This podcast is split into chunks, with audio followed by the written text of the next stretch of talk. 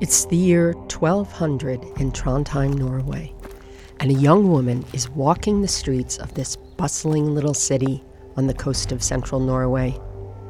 Although it's far from mainland Europe, it's an important ecclesiastical center and a prosperous place with perhaps 3,000 inhabitants or more.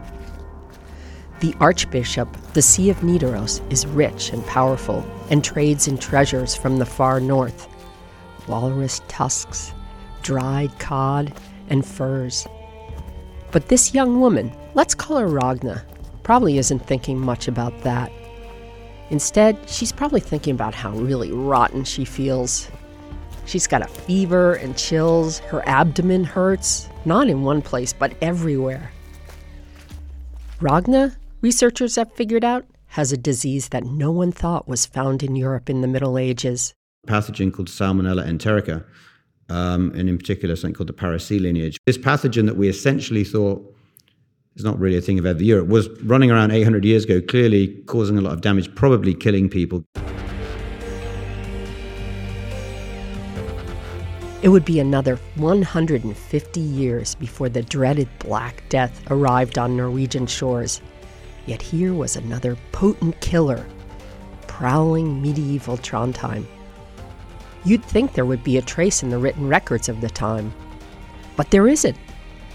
What's even more surprising about this particular pathogen is how researchers were able to identify it in Ragna's 800 year old skeleton. Because they found their evidence between her teeth.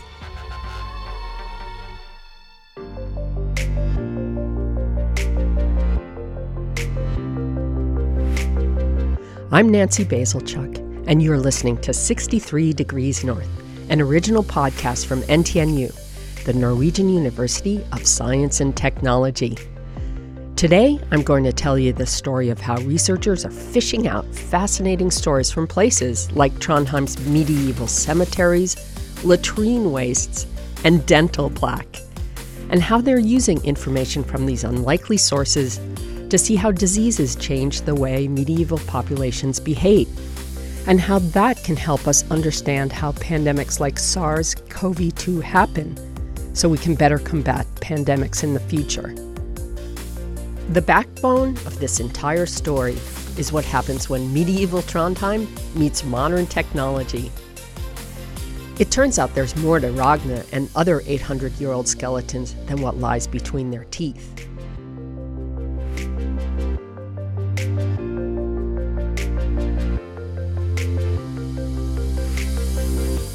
So let's begin at the beginning, of Trondheim, that is. Trondheim was and still is a, a town at the outskirts of Europe. It's sort of Ultima Thule. Ultima Thule, the Latin phrase that means, essentially, distant place located beyond the borders of the known world.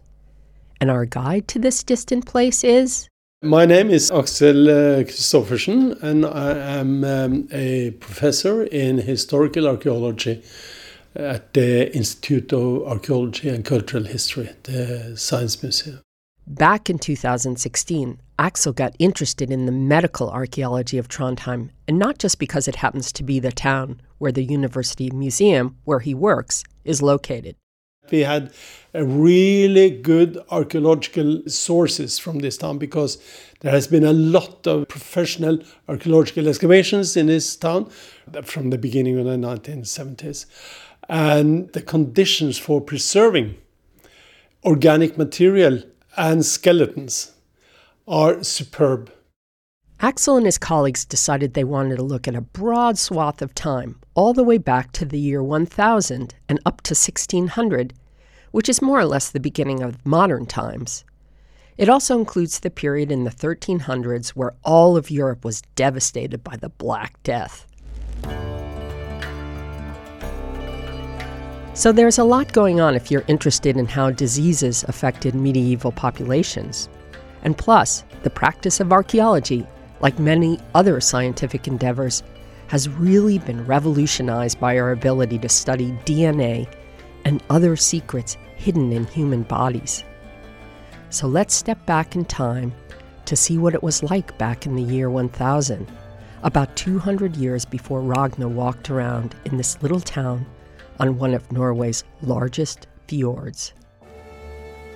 Trondheim is located on a peninsula close to the estuary or the, the river Nid. And it originates from a small trading place which was established around 900.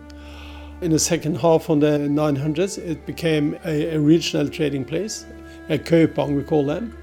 It was a condensed population around a little bay, consisting of, uh, of around 250 people, and but it expanded rapidly through the 11th and 12th century. So uh, when we are at its peak around 1300, still 4,000 people living in this, and that is an averagely big city compared with other Nordic uh, towns uh, around 1300. One of the biggest cities in, uh, in Scandinavia at that time. So, 800 years ago, when Ragna lived here, there were likely several thousand people living in Trondheim. And as Axel said, it was a regional trading place with lots of people coming in from all over Northern Europe, converging on the city. But compared to North European standard, it was very little. Paris had 20,000 uh, and also London, so it was little, but uh, within this Nordic hemisphere, it was quite uh, big. Because it was a quite rapid population expansion during the 11th and 12th century. About that population expansion, it turns out that Ragna also had a second secret preserved for eternity in her bones. Remember, Axel said that one reason they decided to do a deep dive into medieval Trondheim was because of all the well preserved skeletons? It turns out these skeletons have a lot of stories to tell, not just from their DNA, but because of something called isotopes. This is a little complicated, so stay with me. Isotopes are variants of elements that are found in small quantities. Most people have heard of carbon 14 dating. Carbon 14 is a variant of carbon that can be used to date organic material. But other chemical isotopes can tell biologists and archaeologists where you lived at certain periods of your life, in part based on what you eat or the water you drank. Tom Gilbert, a professor at NTNU University Museum, as well as head of the Center for Evolutionary Genomics at the University of Copenhagen, who we heard from at the top of the podcast, explains. So your bone changes through time. If you take a bit of your femur and look at the isotopes, it will give you where you've been the last four or five years. If you take your hair, it will be the last few weeks or months. Enamel is where you were a kid, where you were when your teeth were developing. Trondheim has a remarkable skeletal collection um, from, or collected around the town, dating back about a thousand years. And we've actually been studying what pathogens are in these samples, what that might tell us about the past.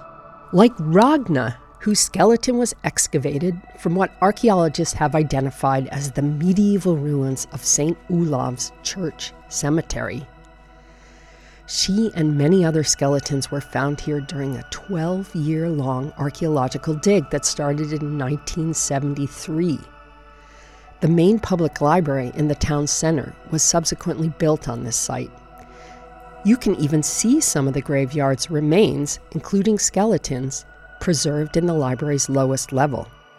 And her isotopic signal, actually, as far as I remember, is consistent with either very North Norway or actually Greenland or possibly Iceland. So it suggests she was some degree of a migrant. I mean, uh, genetically, she's a a Viking, but Vikings were over these regions, so she didn't actually grow up in, in Trondheim at the early age, and uh, yeah, so she could come from any of these regions.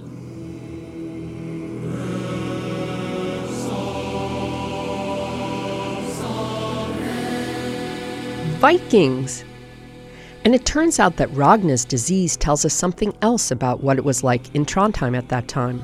Given that this sequence has got a very special form, we can actually guess it actually looks like it probably did originate in Europe originally, which we would have no idea about otherwise. Possibly actually through a contact with pigs. We had various evidence to point to that. So it might be one of these pathogens that, that arises once humans start basically domesticating animals and living too close with pigs. These pathogens can jump across to humans and start things. Hmm. Maybe Ragna or whoever infected her could have gotten her disease through contact with pigs? Yet, the research Axel and his colleagues have done suggests the city itself wasn't quite as filthy as it's portrayed by Hollywood.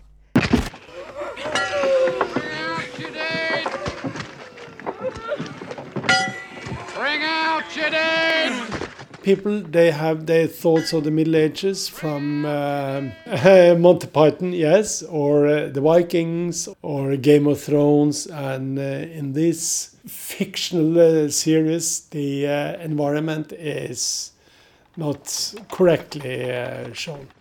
Who's that then? I don't know. Must be a king. Why? He hasn't got shit all over him. It was cleaner. Uh, that that's one thing. It was it was cleaner because the, the waste material was not thrown around. Axel says the town wouldn't be considered clean by our standards, but animal waste and food scraps and the like weren't just tossed out into the streets. Instead, people were really deliberate with how they used these materials. And they used these wastes to level the surface for buildings and for streets because sand and gravel, you, you couldn't get that everywhere. Yeah, let's say from the second half of the 11th century, it seems that they started to care more about the physical environment. And part of the way we know this is because of how they handled their water. There's one whole PhD candidate working on this issue. My name is Elisabeth Forrestad Swensen, and I am a PhD candidate at the NTNU University Museum. And currently, I'm working on uh, medieval archaeology. I'm looking at uh, water and waste management in Trondheim in the medieval and also early modern age. Elisabeth is doing a lot of digging, but not in the way you might think. When I'm working, I wish I could say I was digging, but I'm not. I'm more like a documentation archaeologist at the moment, so I'm looking at the old excavations. So I'm looking at excavations from 1928, from 1937, from 1945, and also from the 1970s, and uh,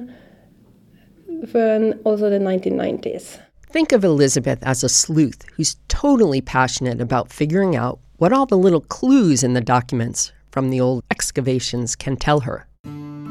Well, archaeology in itself it's very interesting because you kind of get a different view of the history that's not in the history books.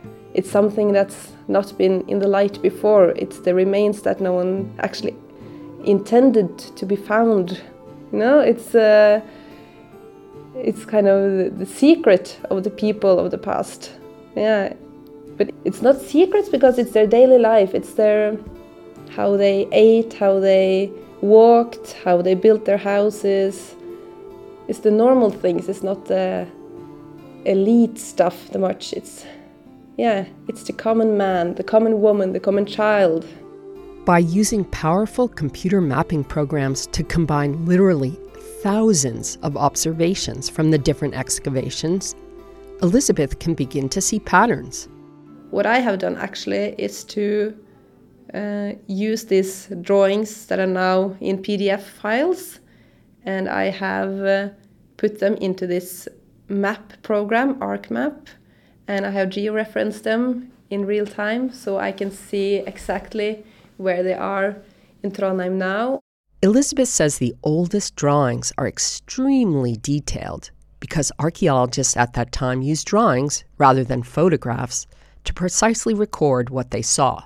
So, actually, from these oldest excavations, the drawings are the most important. The drawings of wells, the drawings of drainage ditches, drawings of latrines. Uh, they kind of mapped it in a, in a spatial uh, map, like they draw the outer edge of their excavation and then they neatly drawn small parts of the wood Uh, also, they could have detailed drawings of one specific piece of wood, how it was cut. It was so nicely done. Really, really nice.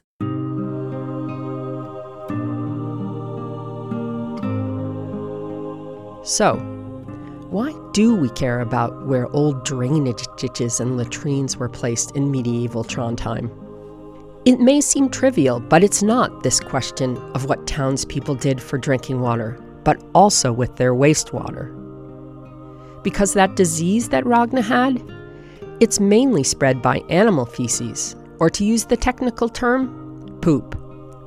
So, somebody living in a medieval town, if they wanted to stay healthy, they had to make sure that they could drain any water contaminated by waste away from wherever they got their drinking water. So, mapping where and when drainage ditches, wells, and cisterns were constructed related to the medieval streets and houses helps Elisabeth and her colleagues figure out uh, what kind of water and waste management can we trace in the medieval and early modern environment and if there's a change uh, is there a change in the public from a private to a public responsibility and does this relate to uh, uh, a, a in a developing a sense of health? And how to manage health? And is this uh, visible in the management of water and waste management? It's still early in elisabeth's research but a few things are beginning to come clear. One is that drinking water was a challenge, even though the settlement was on a river in a place where water is plentiful. As she looks at her compilation of drainage, ditches, water wells, and latrines, it's clear from their placement that the wells could be contaminated either by dirty runoff, whether wash water or water from a latrine. And because Trondheim is right on the fjord, if medieval residents dug their wells deep enough, the seawater from the nearby fjord would seep into the bottom of the well and make it undrinkable. At the same time, there's the Black Death, which arrived in Norway in 1349. So, whatever plans townspeople might have had to improve their water situation were likely put on hold, at least for a little while. The Black Death affected everything Tom Gilbert says he and his colleagues were able to study the genetics of roughly 200 people from this period. What we can say very clearly right now, there was a big demographic change in Trondheim because, in addition to what genes are there, you can actually assign population origin. And so we can see before the plague comes in, before like 1349 or whatever, um, there's a lot of mobility to Trondheim. We can see lots of genes in the people derived in particular from the British Isles, which fits with like you know the Vikings going backward and forward. Yep, those Vikings like to wander. So we, we see a lot of mobility to Trondheim before 1347.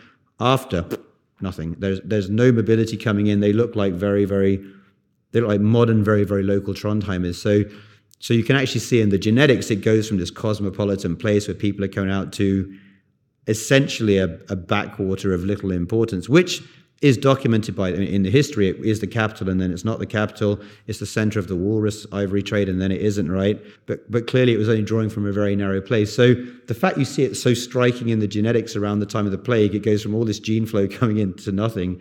Is kind of kind of cool. And that again actually has pathogen implications because the more people coming in, the more pathogens you're bringing in. And actually, if you're just a dead backwater bringing in the local pathogens, it's another thing. So you can actually see some quite fascinating things in the human population from the results. The Black Death also clearly affected the way people and town authorities took responsibility for public health. And here's one more example of how the archaeological findings help support what historians know of the time. After the Great Plague, then they knew that they had to keep distance. And here we thought social distancing was a relatively new phenomenon. They had to, to improve their physical environment, but still there was this religious mentality who says that uh, you are sick because you have done something wrong and, and God will punish you. So, what they did during the Middle Ages was to pray commonly to God outside and, and inside the churches to please God and to say that we are sorry for being bad people and things like that. But during the plague, they did that in the 14th century. There was people who punished themselves to say to God that we want to be good people to please Him. But it didn't work. They saw that I, we could pray to God and we could be as good people as we. But even good people died from diseases. And the result? They started to mistrust the religious authorities. They gradually changed mentality from being directed by religious rules to take more knowledge from their own worldly experiences. And this experience told people that we need to have a clean environment. They improved the laws, improved their own cleanliness and the environmental uh, cleanliness. So, what did town leaders do? They were legally forced to brew beer, of course, because when they brew beer, they uh, disinfected the water. So this was indirectly a way to improve the, the water. So the urban town authorities they made it possible for all people to have some access to something to drink. And we think this was some sort of very, very early, what we call biopolitics. But what's even more interesting is that town authorities avoided the ultimate responsibility for providing clean drinking water for residents for more than a century. Instead, residents had to walk roughly two kilometers to get fresh, clean water from a little creek called Ilabekken. And some of the cisterns that Elisabeth has drawn on her maps were almost certainly used to collect rainwater for drinking, since the wells themselves weren't safe to drink. So in Trondheim, they tried to convince the uh, town authorities to build a piped water line. That didn't happen until 1777. So uh, that is another interesting thing that during the Middle Ages they changed mentality from health being purely in the individual responsibility to a sort of biopolitical activity. But due to political and economic reasons, they couldn't realize the the plans they had for over 100 years improving the, the water, which was absolutely the essential thing for uh, better health. Even though they knew they had to act and what they had to do to make things better, they didn't do anything. Hmm, sounds a little bit like how societies are now dealing, or not, with climate change. Maybe we're not so advanced as we think we are. And what of Ragna? Another thing researchers could tell from her skeleton is that she died relatively young, between the ages of 19 and 24. And while her skeleton is the only one to date where the researchers found the Salmonella pathogen, the fact that we find it at all suggests it was very common because you only find remains of the very, very common things. It's, it's a probability game. The rarer something is, the even more unlikely you will ever find it once you factor in all the skeletons that have been lost and so on. It tells us that there's a much wider range of pathogens than we might imagine in Trondheim in the past, killing people. So we know about the Black Death because people died in droves and people wrote about it. The Black Death sent European societies nearly back to the Stone Age. But here's a pathogen that's not supposed to be in Europe at all killing people. It's of academic interest, of course, but think about the pandemic we're in right now. Could we have seen SARS CoV 2 coming? Can learning about these ancient pathogens help? Tom Gilbert says yes. And again, by getting the old pathogens, one can study when does transmission happen, what kind of characteristics are needed, which again can then be translated back into the useful information for, for monitoring today. So it's, it's about extra knowledge. Where do things come from? How do they adapt? How easy is it for pathogens to jump? This is actually a very big debate right now in the influenza world. That's a question we're all learning to care about more, given the coronavirus pandemic. And that brings us back again to Ragna. 800 years ago, she trod the wood paved streets of Trondheim, unaware that the pain in her stomach was the beginning of her end. When she died and was buried in the St. Olav's Church graveyard, she took the riddle of her death with her to be deciphered by researchers nearly a thousand years into the future. Ragna, the name the researchers gave to her, is actually an Old Norse name that means advice. It raises the question of what kind of secrets or potential advice still lie hidden in these skeletons from centuries ago.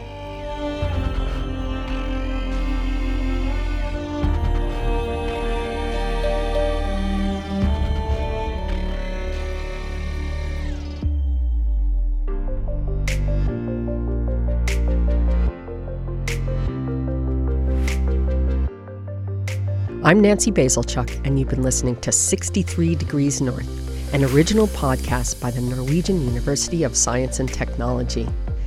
If you want to know more about some of the findings that I've described in this podcast today, check out our show notes. Editorial help and sound design by Historia Brücke. Thanks for listening.